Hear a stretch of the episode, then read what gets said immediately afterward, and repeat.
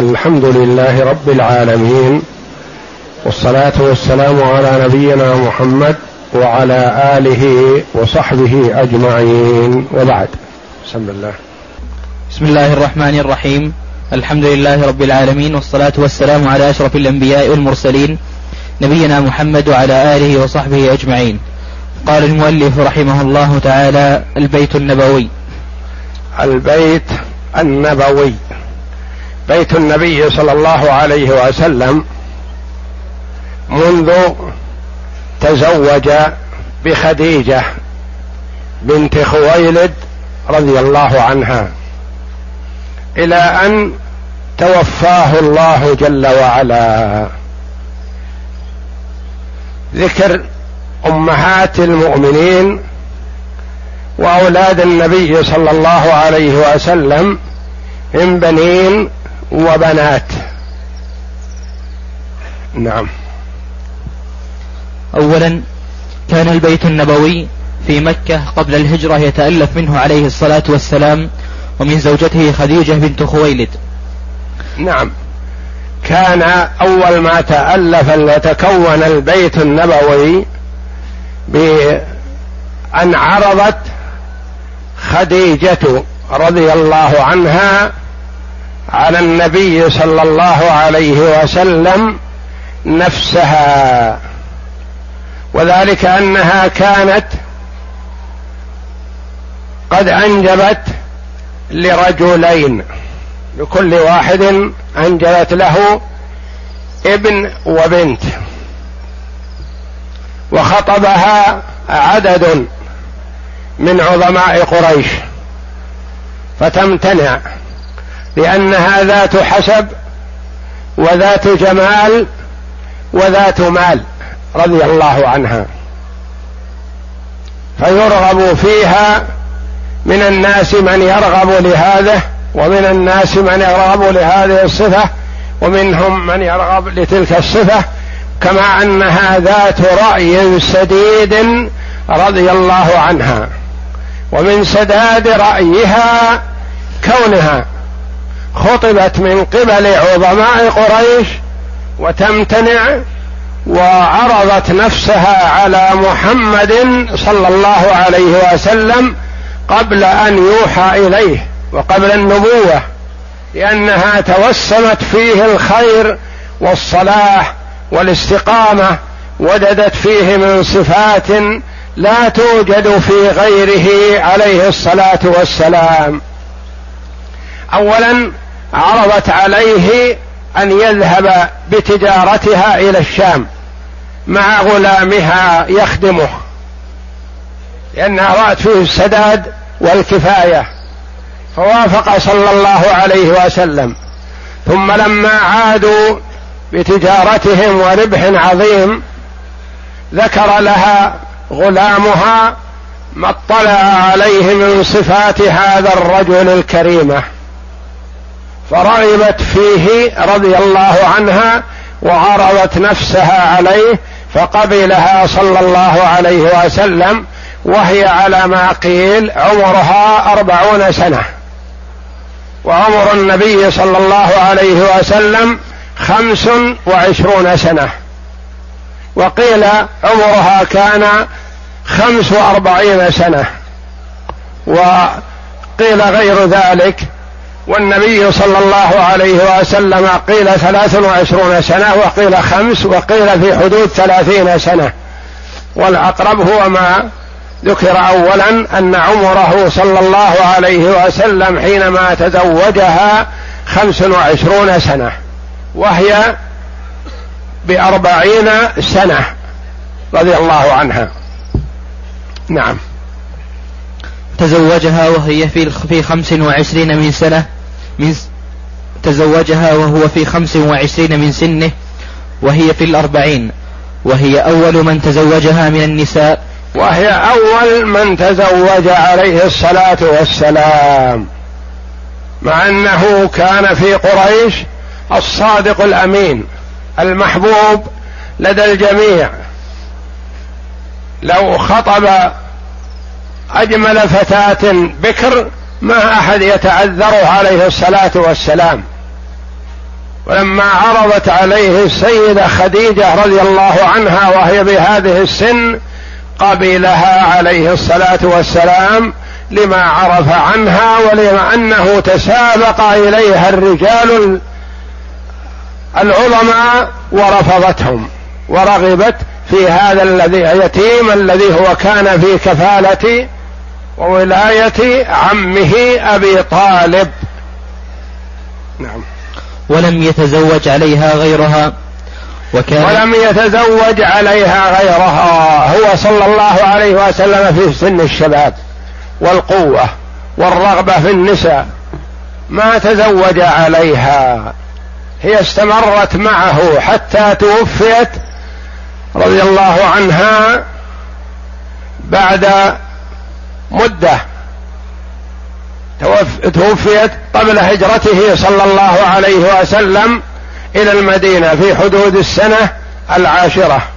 بقي معها صلى الله عليه وسلم خمس عشرة سنة قبل أن يوحى إليه. وعشر سنين بعد الوحي عليه الصلاة والسلام. خمس وعشرون سنة هي الوحيدة معه صلى الله عليه وسلم. وهي الوفية له وهو الوفي لها عليه الصلاة والسلام ورضي الله عنها. نعم. وكان له منها أبناء وبنات. وكان له منها أبناء وبنات. أبناء أكبرهم زينب. رقية. أم كلثوم فاطمة. البنات أربع. والبنات كبرن وبلغن وتزوجن. وتوفين ثلاث في حياته والأخيرة فاطمة رضي الله عن الجميع توفيت بعد بعد وفاته صلى الله عليه وسلم بستة أشهر. فهي تجرعت وصبرت على مصيبتها فيه عليه الصلاة والسلام. توفيت بعده بستة أشهر والبقية توفين قبله رضي الله عنهن. وله من الأولاد القاسم وهو الذي يكنى به فيقال أبا القاسم. والطاهر والطيب. هؤلاء الثلاثة من خديجة رضي الله عنها وأربع البنات من خديجة. وإبراهيم من مارية القبطية ولد له في المدينة. بعد هجرته صلى الله عليه وسلم وتوفي وهو صغير وهو يرضع نعم. وكان له منها أبناء وبنات. أما الأبناء فلم يعش منهم أحد.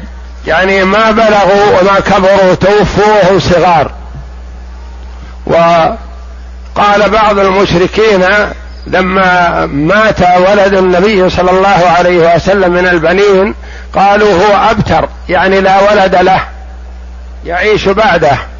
فأنزل الله جل وعلا ردا عليهم إنا أعطيناك الكوثر فصل لربك وانحر إن شانئك هو الأبتر. شانئك أي مبغضك مبغضك هو الأبتر. وهو الخسيس وهو الذليل وهو المحشور إلى النار. وأنت أعطاك الله جل وعلا عز الدنيا وعز الآخرة فله المقام المحمود في الدار الآخرة وهو أفضل ولد آدم عليه الصلاة والسلام. نعم. وأما البنات فهن زينب ورقية وأم كلثوم وفاطمة. فأما زينب فتزوجها قبل الهجرة ابن خالتها أبو العاص بن الربيع. أبو العاص ابن الربيع تزوجها يصير ابن خالتها أمه هي أخت خديجة رضي الله عنها. زوجها وخرج مكرها مع كفار قريش في موقعة بدر وغزوة بدر. كان مع الكفار تأخر إسلامه وإلا فقد أسلم والحمد لله. لكنه تأخر إسلامه وخرج مع كفار قريش مقاتلا للنبي صلى الله عليه وسلم. فأسر مع من أسر. وأنعم الله عليه جل وعلا بأنه لم يقتل. فأسر زوج زينب. وكان النبي صلى الله عليه وسلم في الأسرى في الخيار بهم بين أن يمن عليهم بلا شيء وبين أن يأخذ منهم الفداء وبين أن يقتلهم. من كان شره مستطير ولا يصلح أن يلقى قتله صلى الله عليه وسلم. ومن رجي أن يستصلح أخذ منه الفداء صلى الله عليه وسلم. فطلب من كفار قريش أن يرسلوا بفدية لأسراهم. ومن كان منهم غنيا بنفسه هو يدفع الفدية. مثل العباس رضي الله عنه كان ممن أسر يوم بدر مع الكفار خرج مكرها فأسر. فطالبه النبي صلى الله عليه وسلم بالفدية. فقال ما عندي مال ما عندي شيء. فقال له النبي صلى الله عليه وسلم عليك فديتك وفدية ابن أخيك عقيل ابن أبي طالب. أنت أولى الناس به وهو الفقير وأما أنت فلا فلست بفقير. قال ما عندي مال يا محمد ما عندي شيء. قال المال الذي أعطيته أم الفضل. قلت لها احفظي هذا. إن رجعت إليك أخذته وجدته. وإن قتلت فأنفقيه على نفسك وعلى أولادك. فتعجب العباس أن هذا ما علم عنه أحد. أخبره صلى الله عليه وسلم بما قال لزوجته في السر أم الفضل. وهي أم عبد الله بن عباس وكانت مسلمة من السابقات رضي الله عنهن والتي قال عنها عبد الله بن عباس رضي الله عنه أنا وأمي من المستضعفين أمي من النساء وأنا من الولدان. من السابقين إلى الإسلام لكنهم مستضعفين ما استطاعوا الهجرة. فتعجب العباس من قول النبي صلى الله عليه وسلم له المال الذي أعطيته أم الفضل. فالتزم بفديته وفدية ابن أخيه عقيل ابن أبي طالب رضي الله عنهما. وكلاهما أسلم والحمد لله. وقد قال له النبي صلى الله عليه وسلم لعقيل أنا أحبك من جهتين. أولا محبة أبي طالب لك لأنه أكبر ولد أبي طالب. وأبو طالب كان الذي يحمي النبي صلى الله عليه وسلم ويدافع عنه. وهذا عقيل أكبر ولده فيقال له أبو عقيل. أحبك لمحبة أبي طالب لك وأحبك لأنك ابن عمي. بيني وبينك نسب. وكان سريع البديهة عقيل. وإن كان أعمى له سريع البديهة وسريع الإجابة. وحصل بينه وبين علي رضي الله عنه خلاف في شيء من المال. أتاه عقيل مستجديا. وقال أنا فقير. وعلي خليفة المسلمين. بين يديه مال مال المسلمين رضي الله عنه وأرضاه. قال ما أعطيك شيئا أدخل به النار. فألح عليه قال ابدا ما أعطيك إلا حقك. حقك في بيت المال تأخذه وأما زيادة لكونك أخي لا. فقال أذهب إلى معاوية. قال اذهب إن شئت. لن أصلح دنياك بفساد ديني. فغضب. عقيل وذهب إلى معاوية وطلب منه العطاء فأعطاه.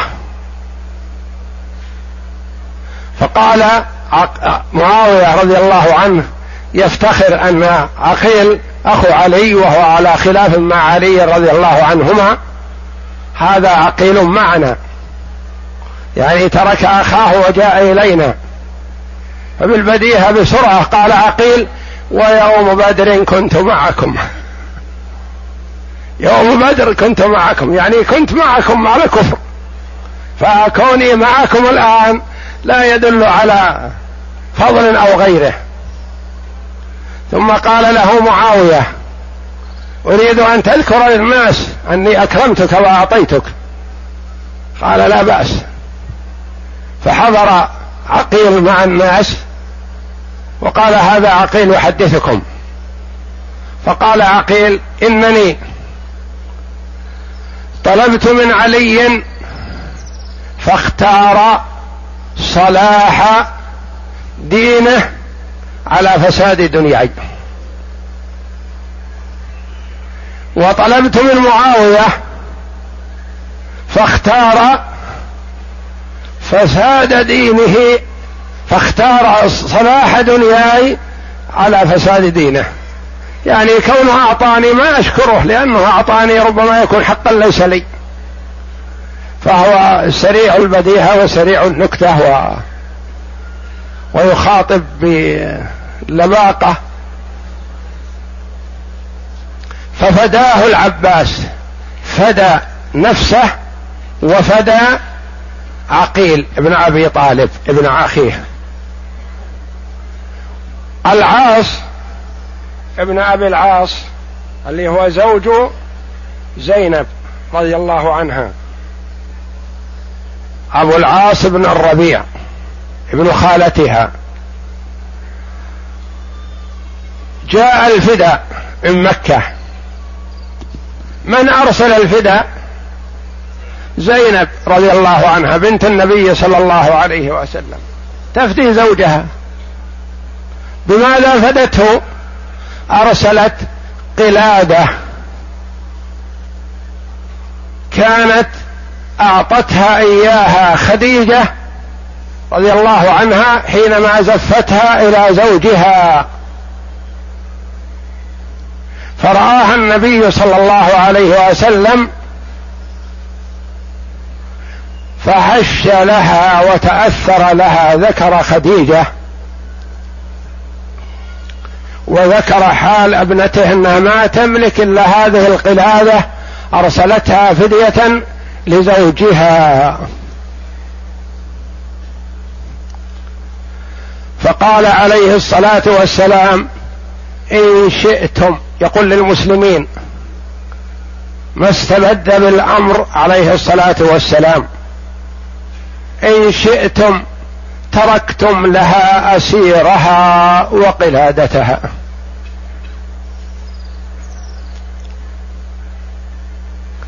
فتنازل المسلمون عن فدية أبي العاص ابن الربيع زوج زينب بنت محمد صلى الله عليه وسلم ورضي الله عنها وهي مسلمة. لكنها بقيت مع زوجها قبل أن ينزل التفريق بين الزوج وزوجته المختلفي الدين. فأطلقه النبي صلى الله عليه وسلم على شرط أن يبعث له بزينب.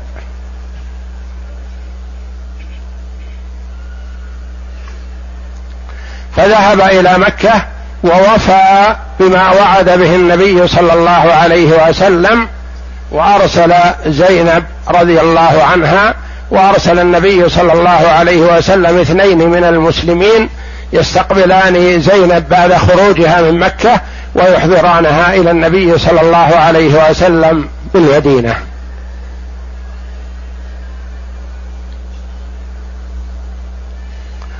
وأما رقية وأم كلثوم فقد عقد عليهما ابن أبي لهب.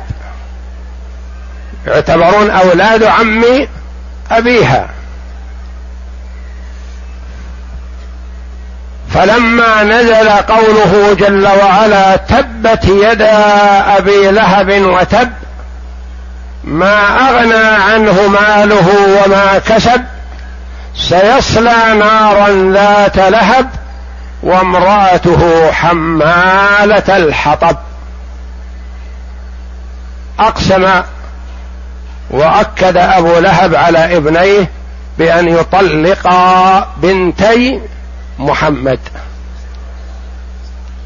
فطلقاها هما فتزوج رقية عثمان رضي الله عنه وأرضاه وانجبت له ابنه عبد الله الذي كان يكنى به ثم توفيت رقية في عصمة عثمان رضي الله عنه والنبي صلى الله عليه وسلم في غزوة بدر. فجاء البشير إلى أهل المدينة بانتصار المسلمين بموقعة بدر وإذا هم يسوون التراب على رقية بنت رسول الله صلى الله عليه وسلم أم عبد الله ابن عثمان بن عفان رضي الله عنهما. والنبي صلى الله عليه وسلم أخر عثمان ليمرض رقية من غزوة بدر.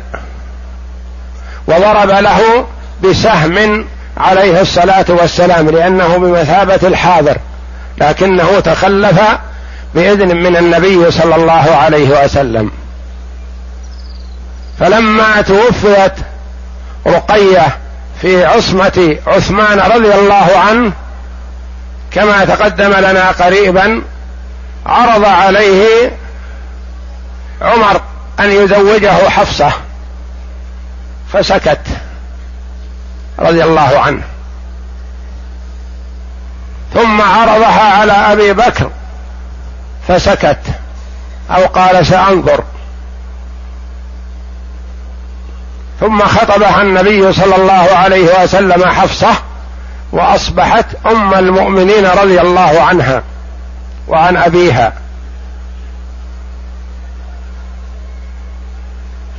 ثم إنه جاء عثمان وأبو بكر إلى عمر رضي الله عن الجميع. يعتذران يقولان لا رغبة عن ابنتك حينما عرضتها علينا. ولكن سمعنا أن النبي صلى الله عليه وسلم يذكرها فما أحببنا أن نتقدم على النبي صلى الله عليه وسلم ولا أحببنا أن نقول لك شيئا نفشي سر رسول الله صلى الله عليه وسلم. فما وسعنا إلا ما قلنا رضي الله عن الجميع. وعمر اشتكى عثمان رضي الله عنهما على النبي صلى الله عليه وسلم فقال عرضت عليه حفصة فلم يقبل. يقال أن النبي صلى الله عليه وسلم قال سيتج... سيتزوج عثمان من هي خير من حفصة وسيتزوج حفصة من هو خير من عثمان. وهو هو عليه الصلاة والسلام. فتزوج النبي صلى الله عليه وسلم حفصة بنت عمر وتزوج عثمان رضي الله عنه أم كلثوم بنت النبي صلى الله عليه وسلم. وتوفيت في عصمته. فأثنى عليه النبي صلى الله عليه وسلم في حسن مصاهرته وقال لو كان عندنا ثالثة لزوجناكها. ولذا يلقب عثمان رضي الله عنه بذي النورين. بذي النورين. يقال أنه ما, ما تزوج رجل بنتي نبي من أول الدنيا إلى آخرها سوى عثمان رضي الله عنه. تزوج رقية ثم تزوج بعد وفاتها أم كلثوم. وفاطمة رضي الله عنها تزوجها علي بن أبي طالب رضي الله عنه. نعم. فأما زينب فتزوجها قبل الهجرة ابن خالتها. وأما البنات وأما البنات. وأما البنات فهن زينب ورقية وأم كلثوم وفاطمة. فأما زينب فتزوجها قبل الهجرة ابن خالتها أبو العاص بن الربيع وأما رقية وأم كلثوم فقد تزوجهما عثمان بن عفان رضي الله عنه الواحدة بعد الأخرى وأما فاطمة رقية والثانية أم كلثوم. وأما فاطمة فتزوجها علي بن أبي طالب رضي الله عنه بين بدر وأحد ومنها كان الحسن والحسين وزينب وأم كلثوم ومعلوم أولاد فاطمة رضي الله عنها الحسن والحسين وزينب وأم كلثوم. نعم. ومعلوم أن النبي صلى الله عليه وسلم كان ممتازا عن أمته بحل التزوج بأكثر من أربعين زوجات. لأغراض الله له التزوج بأكثر من أربع زوجات وحرم الزيادة على الأمة وذلك لمصالح عظيمة. منها رحمته صلى الله عليه وسلم بعدد من الأيام. اللاتي فقدن أزواجهن وقلاهن أهلهن لإسلامهن وكفر الأهل. فهن في حاجة إلى الرحمة والعطف والحنان منه صلى الله عليه وسلم وهو الرؤوف الرحيم. ومنهن من كانت عزيزة في قوم فذلت فرأى صلى الله عليه وسلم أن يجبر خاطرها ويرفع من شأنها ومنهن للتأليف ليؤلف آباءهن وقرابتهن ومنهن من أجل تأليف القبيلة ككل يتألف القبيلة إذا تزوج منهم. ف ومنها من المصالح نقل أفعاله صلى الله عليه وسلم داخل بيته في الليل والنهار. لأن الصحابة رضي الله عنهم نقلوا سنة نبي النبي صلى الله عليه وسلم في المسجد وفي الجهاد وفي السوق وفي كل مكان سوى داخل البيت. ما كل يدخل بيته ويطلع. عبد الله بن عباس رضي الله عنه بات مع النبي صلى الله عليه وسلم لما كان عند خالته. لأن أم المؤمنين ميمونة أخت لأم الفضل أم العباس زوجة العباس وأم عبد الله بن عباس. فهي ميمونة خالة لعبد الله بن عباس. فاستأذن منها أن يبيت عندهم ليطلع على أعمال النبي صلى الله عليه وسلم وقيامه وصلاته في الليل. رضي الله عن الجميع فتزوجه صلى الله عليه وسلم بعدد من النسوة من أجل هذه المصالح العظيمة ومصالح أكثر وأكثر. نعم. ومعلوم. ومعلوم أنه ومعلوم أن النبي صلى الله عليه وسلم كان ممتازا عن أمته بحل التزوج بأكثر من أربع زوجات لأغراض كثيرة فكان عدد من عقد عليهن ثلاث عشرة امرأة. منهن تسع مات عنهن واثنتان توفيتا في حياته. إحداهما خديجة والأخرى أم المساكين زينب بنت خزيمة واثنتان لم يدخل بهما. وها هي أسماؤهن وشيء هذه مجموعة من عقد عليها صلى الله عليه وسلم. وقيل أكثر من ذلك لكن هذه التي اتفقت عليها كتب السير. ثلاث عشرة. اثنتان توفيتا في حياته صلى الله عليه وسلم وهما خديجة وزينب أم المساكين الملقبة بأم المساكين. و تسع توفي عنهن صلى الله عليه وسلم. واثنتان عقد عليهما ولم يدخل بهما صلى الله عليه وسلم بل طلقهما قبل الدخول. واحدة لما رآها وإذا فيها بياض فكره صلى الله عليه وسلم ذلك وطلقها عليه الصلاة والسلام. والأخرى بنت الجون لما دخل عليها صلى الله عليه وسلم قالت أعوذ بالله منك قال لقد عذت بمعاد الحقي بأهلك. يقال أنها مغرورة أنها غرها بعض النسوة بأن تقول ذلك. ويقال أنه لما دخل عليها قال هبيني نفسك. قالت وهل تهب الملك الملكة السوقة؟ يعني أنا ملكة وبنت ملك وأنت سوقي عادي. ففارقها صلى الله عليه وسلم. اثنتان فارقهما. نعم. ثانيا سودة بنت زمعة. تزوج الأولى خديجة رضي الله عنها. الثانية سودة بنت زمعة.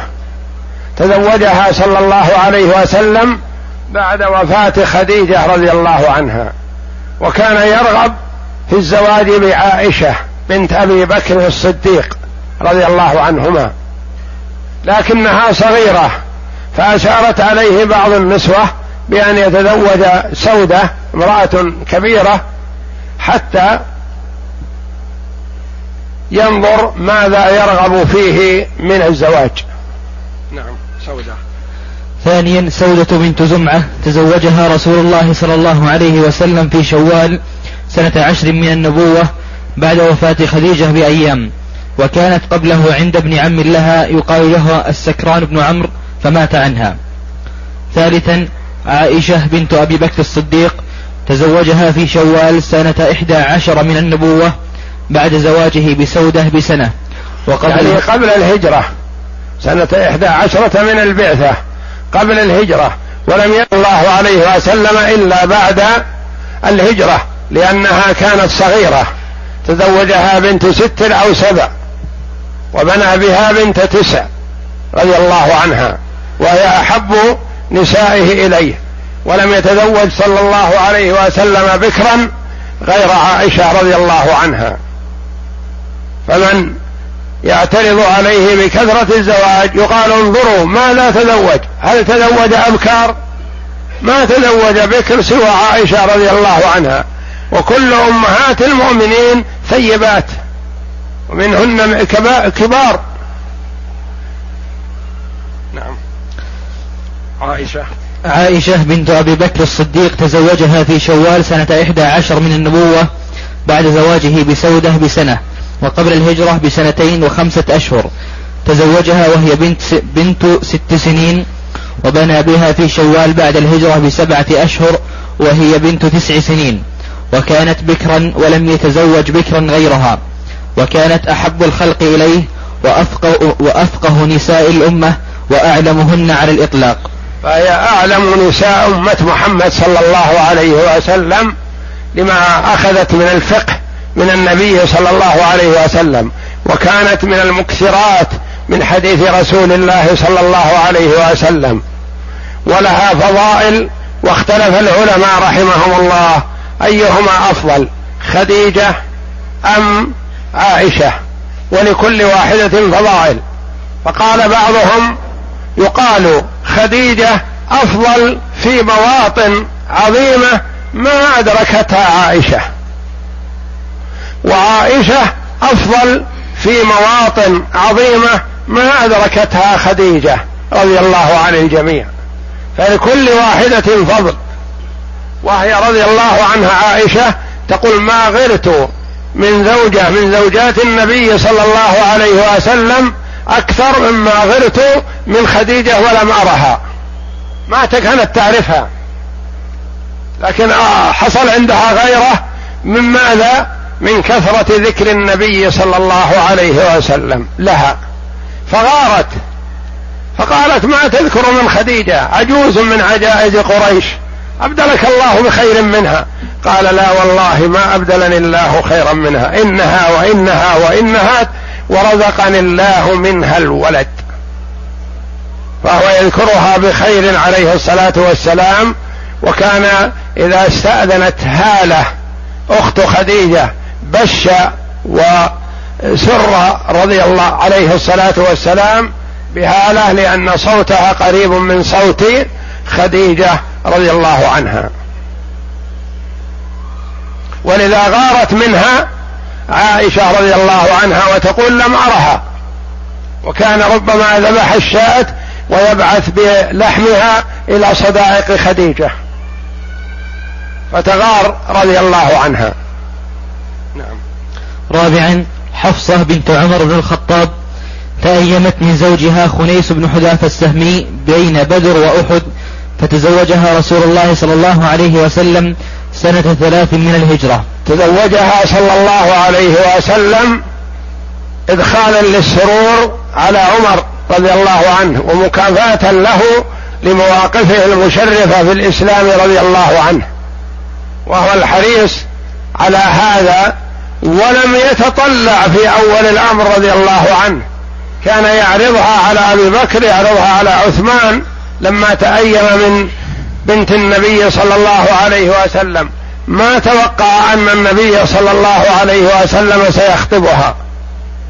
يؤخذ من هذا أن الرجل يحسن له كما يبحث عن الزوجة الصالحة لابنه كذلك يبحث عن الزوج الصالح لبنته ويعرض بنته على الأخيار ولا غضاضة في هذا فهو ما يلام لأنه يريد الخير يريد الرجل الصالح.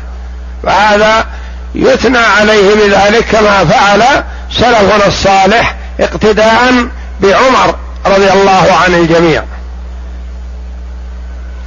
تزوجها رسول الله صلى الله عليه وسلم بعدما توفي زوجها.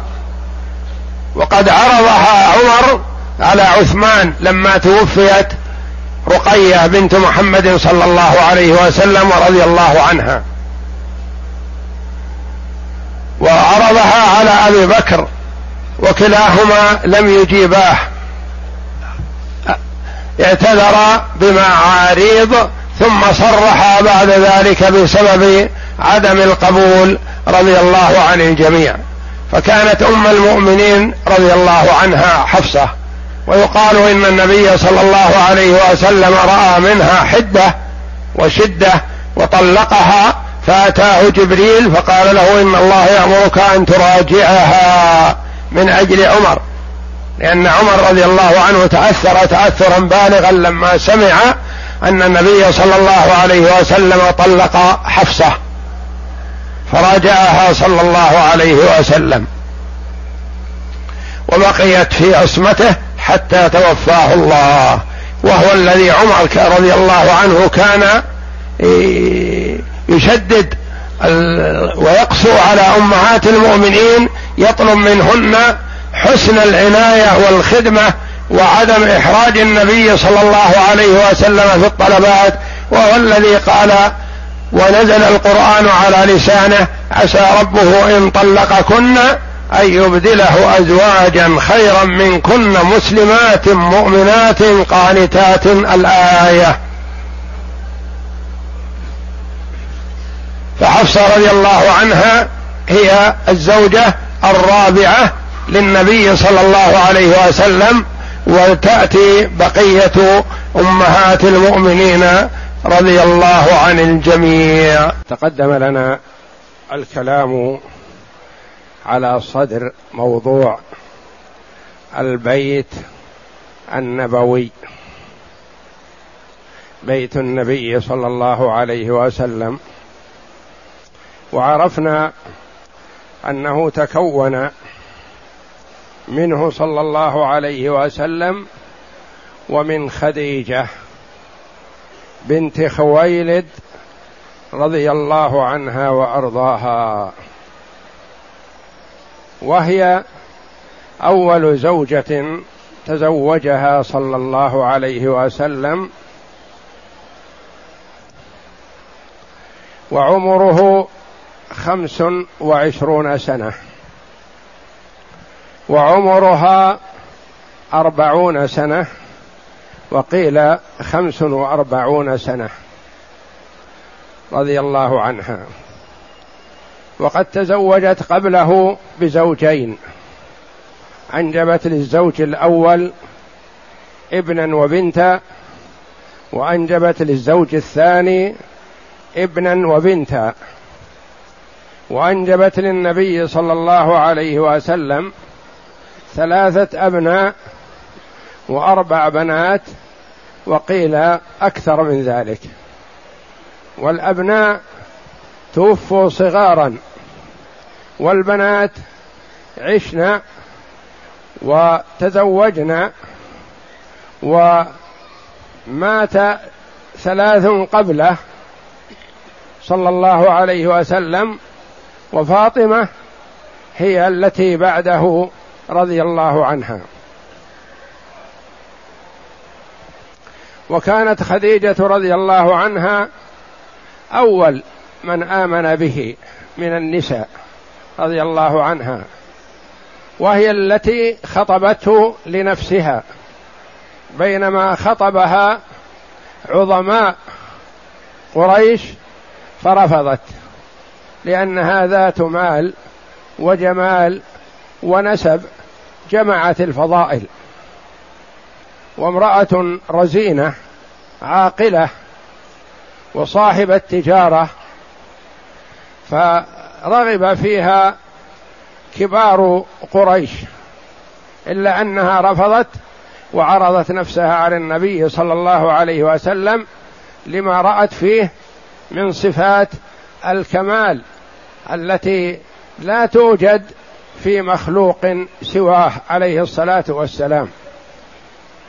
فقبلها صلى الله عليه وسلم وكان قبل هذا يعمل في تجارتها. تجارة لها عرضت عليه أن يذهب مع مولاها في في تجارتها بالشام. وربحت تجارتها ربحا عظيما وحدثها مولاها وخادمها عن ما رأى من علامات النبل والسيادة والكرم والشهامة في محمد صلى الله عليه وسلم فرغبت فيه.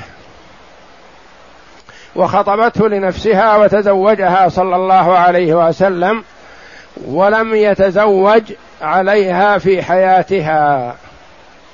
استمرت معه الوحيدة حتى توفيت رضي الله عنها قبل الهجرة بثلاث سنوات تقريبا.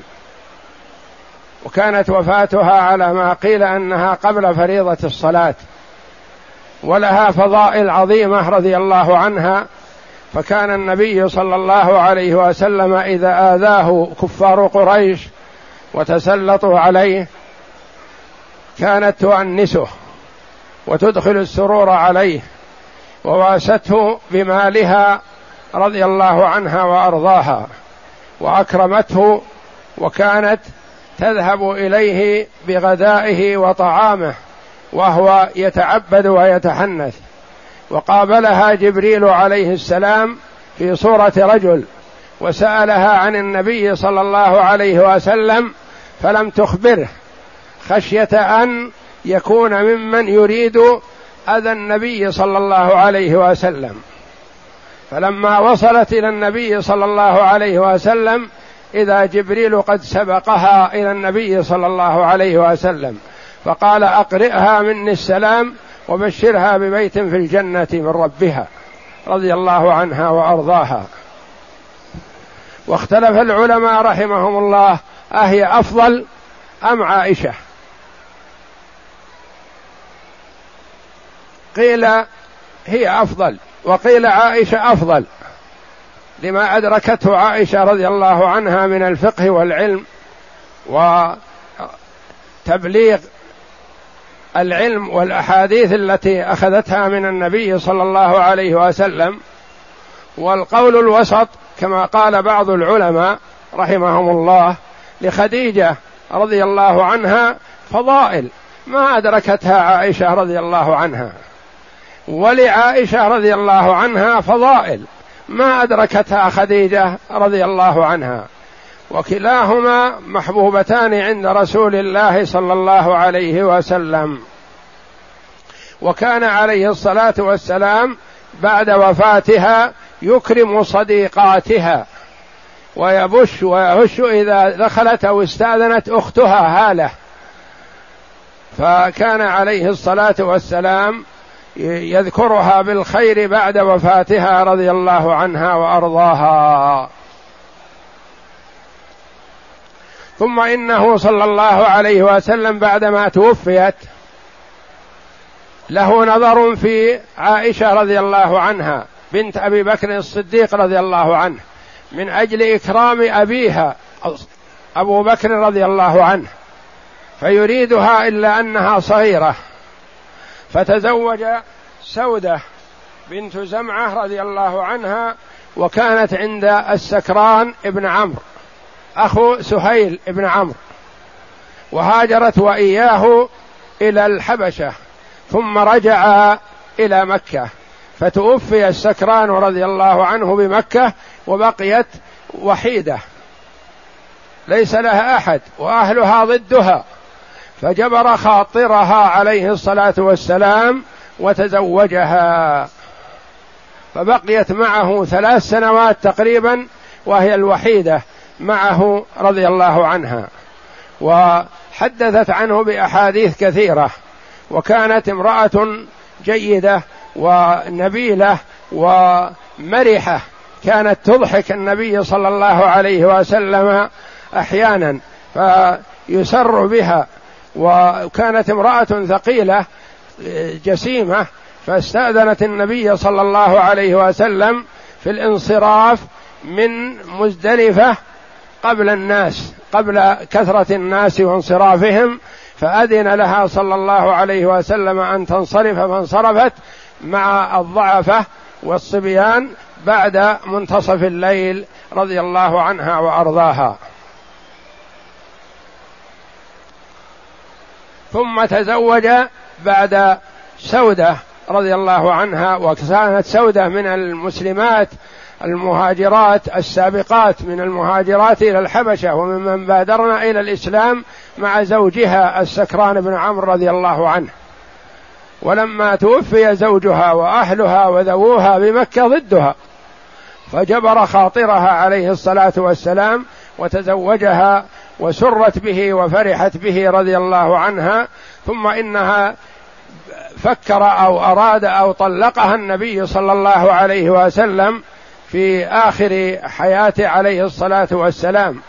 فوقفت له في طريقه فقالت يا رسول الله أسألك بالذي أنزل عليك القرآن أن تردني إلى عصمتك وما لي رغبة في الرجال ولكني أحب أن أكون من زوجاتك في الجنة وأن أحشر معك. رضي الله عنها.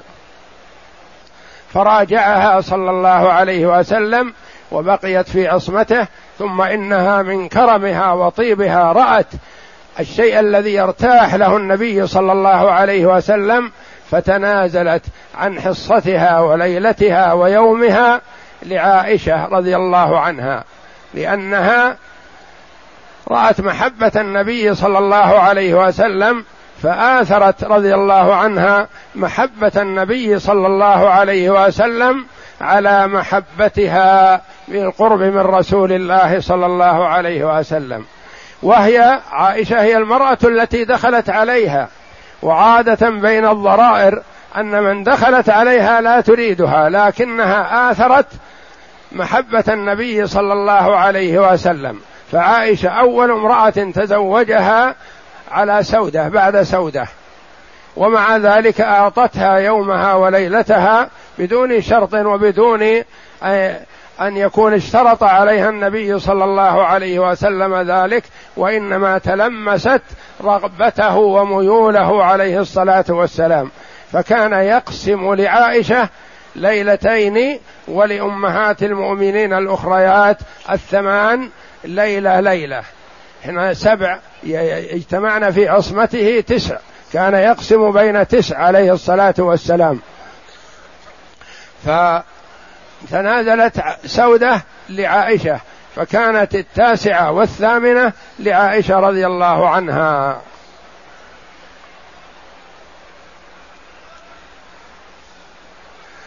يقول المفسرون رحمهم الله وفيها نزل قوله جل وعلا وإن امرأة خافت من بعلها نشوزا أو إعراضا فلا جناح عليهما أن يصلحا بينهما صلحا والصلح خير.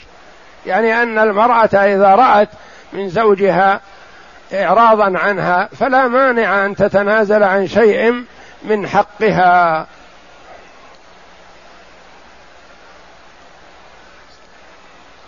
وبعد سودة تزوج عليه الصلاة والسلام عائشة أم المؤمنين وهي أصغر نسائه عليه الصلاة والسلام. تزوجها وهي بنت ست أو سبع وبنى بها وهي بنت تسع سنين رضي الله عنها. لكنها فقيهة أديبة متقنة حافظة رضي الله عنها وأرضاها. وبلغت الأمة كثيرا من الفقه والعلم من النبي صلى الله عليه وسلم.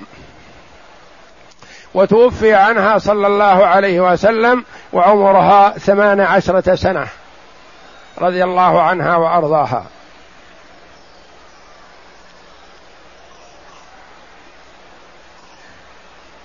وكانت أحب نسائه إليه ولم يتزوج صلى الله عليه وسلم بكرا سواها وإلا فكل زوجاته التي تزوجهن ثلاث عشرة أو أكثر على ما قيل كلهن ثيبات.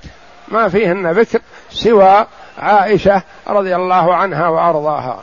وفي هذا رد على من يقول إن النبي صلى الله عليه وسلم له رغبة في النساء وأنه يميل إلى النساء وأنه تزوج أكثر من أربع وكذا ما يقولون فيقال لهم لو كان هدفه الشهوة والغريزة الجنسية لكان له أن يختار من الفتيات الأبكار لكنه عليه الصلاة والسلام كلهن ايمات اللاتي تزوجهن كلهن متوفى عنهن أو مفارقات من أزواجهن فجبر خاطرهن عليه الصلاة والسلام.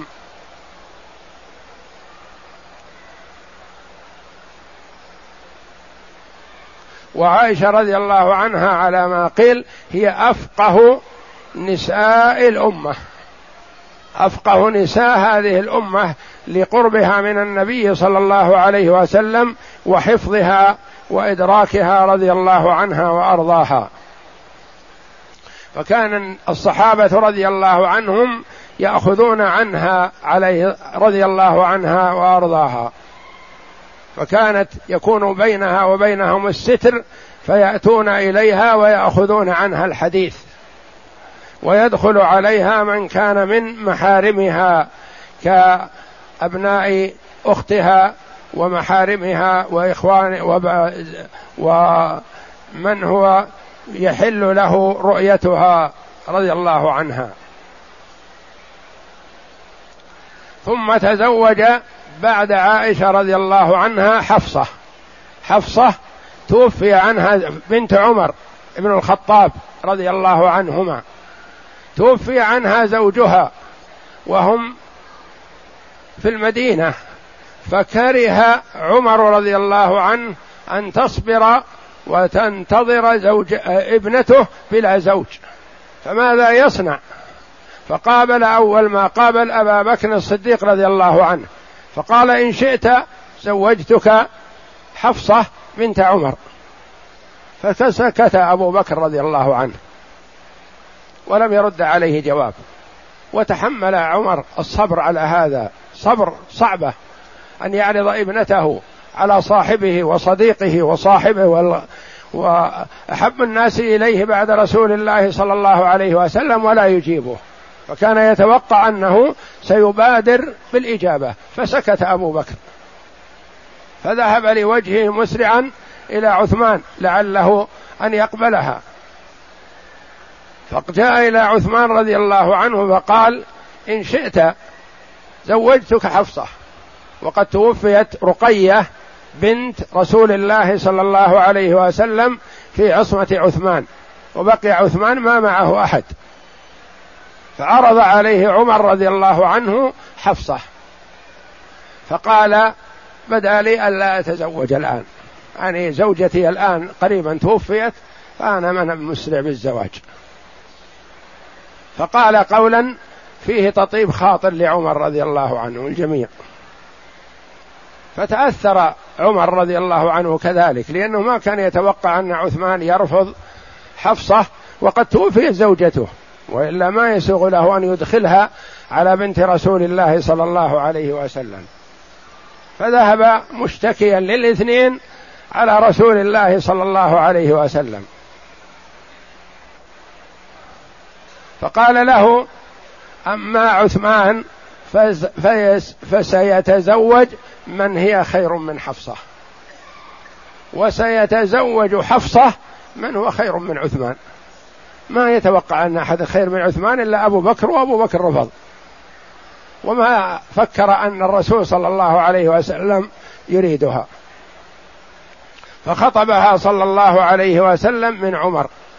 ففرح وسر بهذا. وذهب مسرعا ليبشر بهذا الخبر ابنته وأبا بكر وعثمان. لأنهم هم أصحاب العلاقة. بأني عرضتها عليكم فأتاني من هو خير وأفضل من سائر الأمة. فالتقى بأبي بكر فبشره فقال لتعلم أني ما كنت أرفض ابنتك حينما عرضتها علي إلا أني سمعت رسول الله صلى الله عليه وسلم يذكرها فما أحببت أن أقدم عليها ورسول الله صلى الله عليه وسلم يذكرها. وما أحببت أن أفشي سر رسول الله صلى الله عليه وسلم. أقول لك انتظر يا عمر ذكرها النبي هذا سر. ما أحببت أن أفشي سر رسول الله. فما وسعني إلا السكوت. فعذره رضي الله عنهما. ثم ذهب إلى عثمان فأخبره وذهب إلى حفصة فبشرها بأنه خطبها الرسول صلى الله عليه وسلم. فتزوجها عليه الصلاة والسلام بعد عائشة. وبقيت في عصمته ثم إنه غضب عليها الرسول صلى الله عليه وسلم لإفشائها سر من أسراره عليه الصلاة والسلام فطلقها. فتأثر عمر وحزن حزنا شديدا. فجاء جبريل إلى النبي صلى الله عليه وسلم فقال راجعها من أجل عمر وإنها صوامة قوامة وإنها من نسائك في الجنة. فراجعها النبي صلى الله عليه وسلم فاطمأن عمر وسر بهذا رضي الله عن الجميع.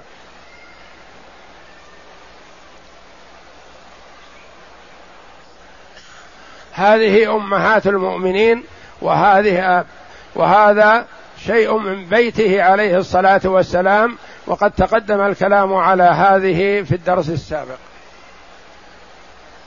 نعم اقرأ. هذه أربع خديجة بعدها سودة بعدها عائشة بعدها حفصة رضي الله عن الجميع قال رحمه الله خامسا زينب بنت خزيمة. والأربع هذه كلهن من قريش. نعم. خامسا زينب بنت خزيمة من بني هلال بن عامر بن صعصعة وكانت تسمى أم المساكين. هذه الخامسة زينب بنت خزيمة ابن هلال ابن عامر ابن صعصعة رضي الله عنها وكانت لطيفة مؤدبة زاهدة في الدنيا قانعة بما يأتيها رضي الله عنها وأرضاها ونذرت نفسها لخدمة رسول الله صلى الله عليه وسلم وإدخال السرور عليه وهذه غير زينب بنت جحش رضي الله عنها أم المؤمنين ستأتي. وتسمى أم المساكين. كانت إذا وقع في يدها شيء من من حطام الدنيا آثرت به المساكين رضي الله عنها. ولم تبق مع النبي صلى الله عليه وسلم إلا أشهر. قيل شهران وقيل ثلاثة وقيل ثمانية أشهر وتوفيت رضي الله عنها. وكانت تحبها أمهات المؤمنين كلهن لأنها رضي الله عنها زاهدة وما كانت تنازعهن وما كانت تغضب لإيثارهن بشيء. ولما توفيت رضي الله عنها ما وجد عندها من مال الدنيا إلا قليل من الشعير وقليل من الزيت من السمن وفراش خشن. هذا هذه تركتها رضي الله عنها لزهدها في الدنيا. وصلى عليها النبي صلى الله عليه وسلم ودفنت في البقيع الذي فيه الصحابة رضي الله عنهم. ومن أمهات المؤمنين اثنتان توفيتا في عصمة النبي صلى الله عليه وسلم قبل وفاته. خديجة رضي الله عنها وزينب هذه. والبقية كلهن متن بعده عليه الصلاة والسلام. نعم. وكانت تسمى أم المساكين لرحمتها إياهم ورقتها عليهم وكانت تحت عبد الله بن جحش فاستشهد في أحد فتزوجها رسول الله صلى الله عليه وسلم سنة أربع من الهجرة ماتت بعد الزواج بشهرين أو ثلاثة أشهر. وحينما توفيت رضي الله عنها كان عمرها ثلاثون سنة. رضي الله عنها. سادس دفنت في البقيع. نعم. نعم. سادسا أم سلمة هند بنت أبي أم هذه السادسة. أم سلمة رضي الله عنها بنت أبي أمية المخزومية من بني مخزوم. هذه توفي عنها زوجها أبو سلمة رضي الله عنه. كانت هي وإياه بمكة وهو ابن عمها رضي الله عنه وهي من جماعة أبي جهل. لعنه الله من أقاربه. فأوذوا في مكة هي وزوجها رضي الله عنهما. فهاجرا إلى الحبشة وولدت بعض أولادها لأبن عمها أبي سلمة بالحبشة رضي الله عنها. ثم عادوا إلى مكة. لما أشيع أن أهل مكة آمنوا بمحمد صلى الله عليه وسلم واتبعوه رجعوا إلى مكة. فوجدوا الأمر غير صحيح الخبر هذا وأن أهل مكة لا يزالون على كفرهم وضلالهم وأذيتهم للنبي صلى الله عليه وسلم. ثم لما هاجر النبي صلى الله عليه وسلم إلى المدينة هاجر أبو سلمة رضي الله عنه ومعه امرأته فأخذها قومها وقرابتها وأبوا عليها أن تهاجر مع النبي صلى الله عليه وسلم. وحبسوها عن زوجها رضي الله عنها في مكة. فجاء عصبة أبي سلمة وأخذوا الولد منها. قالوا هذا ابننا ما يمكن نتركه عندكم أنتم أخواله. فزوجها في ناحية وهي في ناحية وابنها في ناحية رضي الله عنها وأرضاها وصبرت. وبدات تبكي رضي الله عنها حتى رق لها الكفار. فأرادوا إرسالها إلى زوجها. ف أراد قرابة زوجها أن يسلموها الولد. ما دامت تريد أن تذهب إلى زوجها سلموها الولد. فذهبت رضي الله عنها بولدها إلى المدينة لزوجها المهاجر رضي الله عنه وأرضاه أبو سلمة. وقرت عينها به. أياما غير طويلة. ثم إنه استشهد رضي الله عنه مات بسبب جرح جرح فيه في أحد. فمات رضي الله عنه. فذكرت قول النبي صلى الله عليه وسلم أن من قال عند المصيبة إنا لله وإنا إليه راجعون. اللهم أجرني في مصيبتي واخلف لي خيرا منها إلا خلف الله له خيرا منها. فتذكرت هذا القول فقالته. ثم إنها لما وصلت إلى قوله واخلف لي خيرا منها قالت من خير من أبي سلمة؟ من سيأتيني خير من ابن عمي وأبو سلمة رضي الله عنها عنه وعنها وصاحبها في مكة وصاحبها في الحبشة وصاحبها في مكة مرة أخرى وصاحبها في المدينة وليس لها قريب ولا ولي في المدينة سوى زوجها. من خير من أبي سلمة؟ قالتها إيمانا بوعد رسول الله صلى الله عليه وسلم. وصبرت على وفاة زوجها رضي الله عنها ثم لما تمت عدتها بعد وفاة زوجها أتاها أبو بكر رضي الله عنه يخطبها. فتعذرت. ثم أتاها عمر رضي الله عنه يخطبها فتعذرت. ثم أتاها رسول رسول الله صلى الله عليه وسلم يخطبها فقالت مرحبا برسول الله. لكنها أبدت اعتذار. فغضب عمر رضي الله عنه غضبا شديدا. قال تعذرت أبا بكر وتعذرتيني وتعذرت من تريدين؟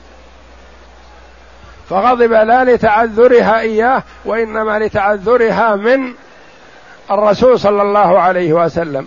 قالت يا رسول الله يمنعني ثلاث. يمنعني ثلاث. ما هن؟ قالت عندي صبية. وفي غيره غيره أخشى أن ترى مني ما يضايقك فتغضب علي فيغضب علي الله. فاتركني بعيدة منك يا رسول الله خشية من أن أغضبك. ولا أحد من أوليائي حاضر يزوجني. من يزوجني؟ ما عندي أحد. قرابتها كلهم كفار في مكة. ما عندها أحد. تظن أنها لابد من ولي وليس لها ولي يزوجها. فقال لها عليه الصلاة والسلام أما الغيرة فأدعو الله أن يذهبها. ما يتحملها عليه الصلاة والسلام. وبعض النساء تتعب زوجها بشدة الغيرة والمحبة له والرغبة فيه فتضايقه وتؤذيه بشدة غيرتها. وما ينبغي هذا ولا ينبغي للرجل أن يكون عنده شدة غيره على زوجته حتى يتهمها بأمور هي براء منها لأن كثيرا ما يحصل من الناس بعض الرجال الاتهام لزوجته من شدة الغيرة عليها. وكذلك الزوجة من شدة غيرتها على زوجها تضايقه. فقالت عائشة فقالت أم سلمة رضي الله عنها في غيرة وأخشى أن ترى مني ما يغضبك فيغضب فتغضب علي ويغضب علي الله. فقال أما الغيرة فأدعو الله أن يذهبها. فصارت النتيجة أحسن ما يكون ذهبت غيرتها. مع إكرامها للرسول صلى الله عليه وسلم ما كان عندها غيرة. قالوا أنها إذا تشاجرن بعض أمهات المؤمنين رضي الله عنهن ولا يحببن أن يطلع على ذلك غيرهن يتحاكمن إلى أم سلمة. لأنهن وثقن منها بأن غيرتها ذهبت ببركة دعوة النبي صلى الله عليه وسلم. وربما يتنازعن في بعض الشيء ما يجري بين الضرات فما يرفعن هذا لآخرين وإنما يتحاكمن لبعضهن. يرجعن إلى أم سلمة رضي الله عنها. وكانت صاحبة رأي وعزيمة وتبدي رأيها رضي الله عنها وأرضاها حتى للنبي صلى الله عليه وسلم. فقد نفع رأيها نفعا عظيما في موقع ومكان حاسم. سيأتي بيانه. فكنا أمهات المؤمنين رضي الله عنهن يتحاكمن إلى أم سلمة عند حصول ما يحصل بين الذرات. فكانت مع النبي صلى الله عليه وسلم وسرت به وقال أما ولدك فيكون معك من يكفيك إياهم. هذا العذر الثاني الأولاد عندي صبية فالصبية أخشى يشغلونك ويؤذونك يا رسول الله فقال يكون معك من يكفيهم. بدل من كونك وحدك على الصبية يكون معك الزوج يساعدك عليهم. قالت ولا أحد من أوليائي حاضر. يا رسول الله من يزوجني؟ قال لا أحد حاضر ولا غائب يكره ذلك. يعني حتى الكفار في مكة إذا علموا أنني تزوجتك يفرحون بهذا يسرهم. لأنهم يعرفون منزلة محمد صلى الله عليه وسلم لكن العناد لا أحد من أوليائك حاضر ولا غائب يكره ذلك.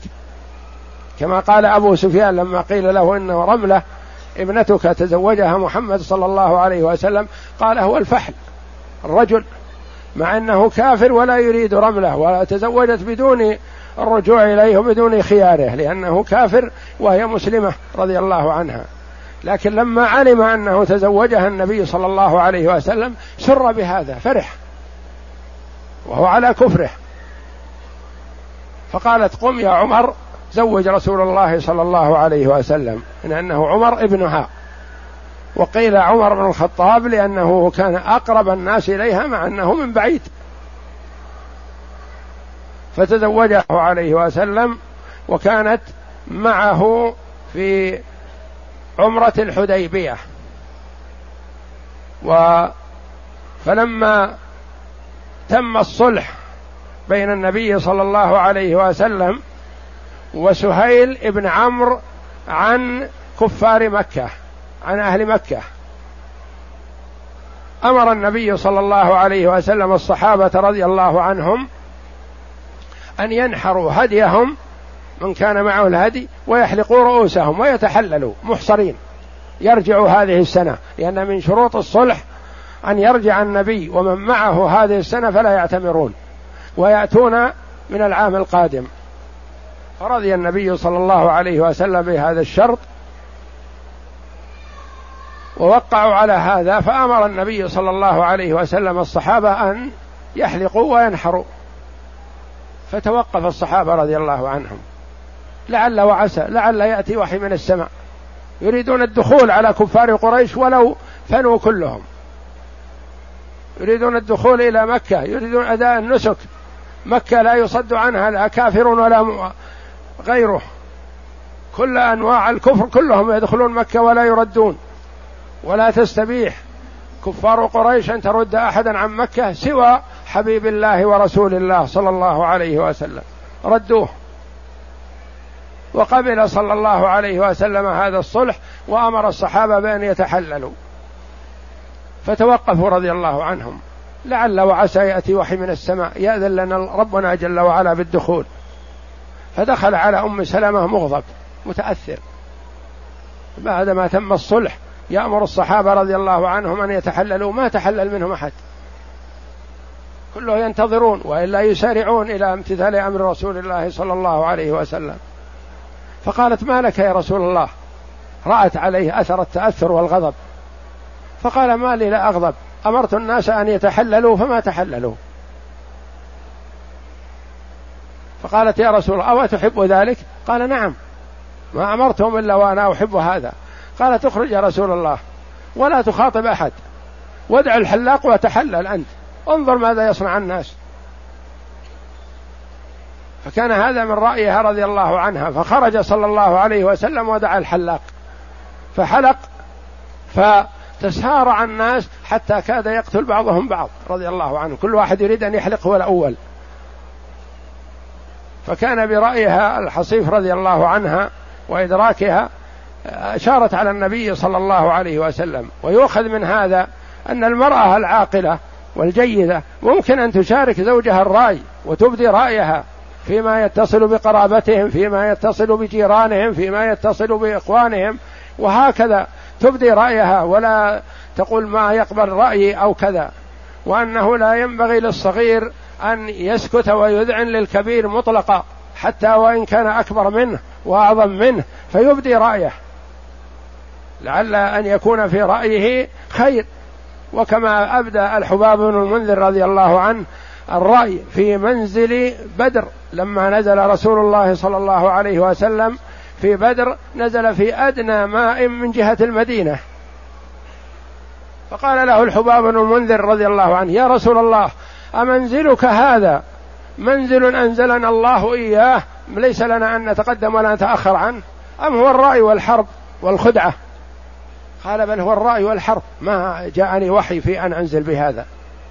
فقال إذا هذا ليس بمنزل يا رسول الله وإنما نتقدم وننزل على آخر ما مما يليهم ونغور ما دونه من المياه فنكون على الماء وهم نحدهم يعني على الفضاء ما عندهم ماء فنشرب ولا يشربون ونبني حوضا ونملأه بالماء فنشرب ولا يشربون. فأقبل منه النبي صلى الله عليه وسلم هذا الرأي وتقدم عليه الصلاة والسلام. وهكذا ينبغي للمسلم ألا يحقر نفسه ورأيه يبدي رأيه. إن قبل فالحمد لله وإن لم يقبل فلا حرج. وربما يكون في قبوله الخير والسعادة له ولمن معه. فكانت رضي الله عنها أم سلمة ذات رأي مسددة وجيدة في أفكارها رضي الله عنها.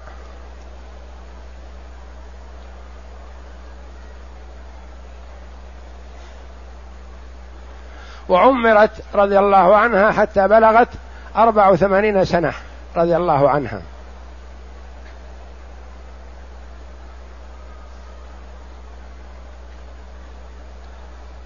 زوجها عليه الصلاة والسلام في السنة الرابعة من الهجرة وبقيت معه ست سنوات تقريبا ثم عمرت بعده صلى الله عليه وسلم وبلغت أربع وثمانين سنة رضي الله عنها وأرضاها.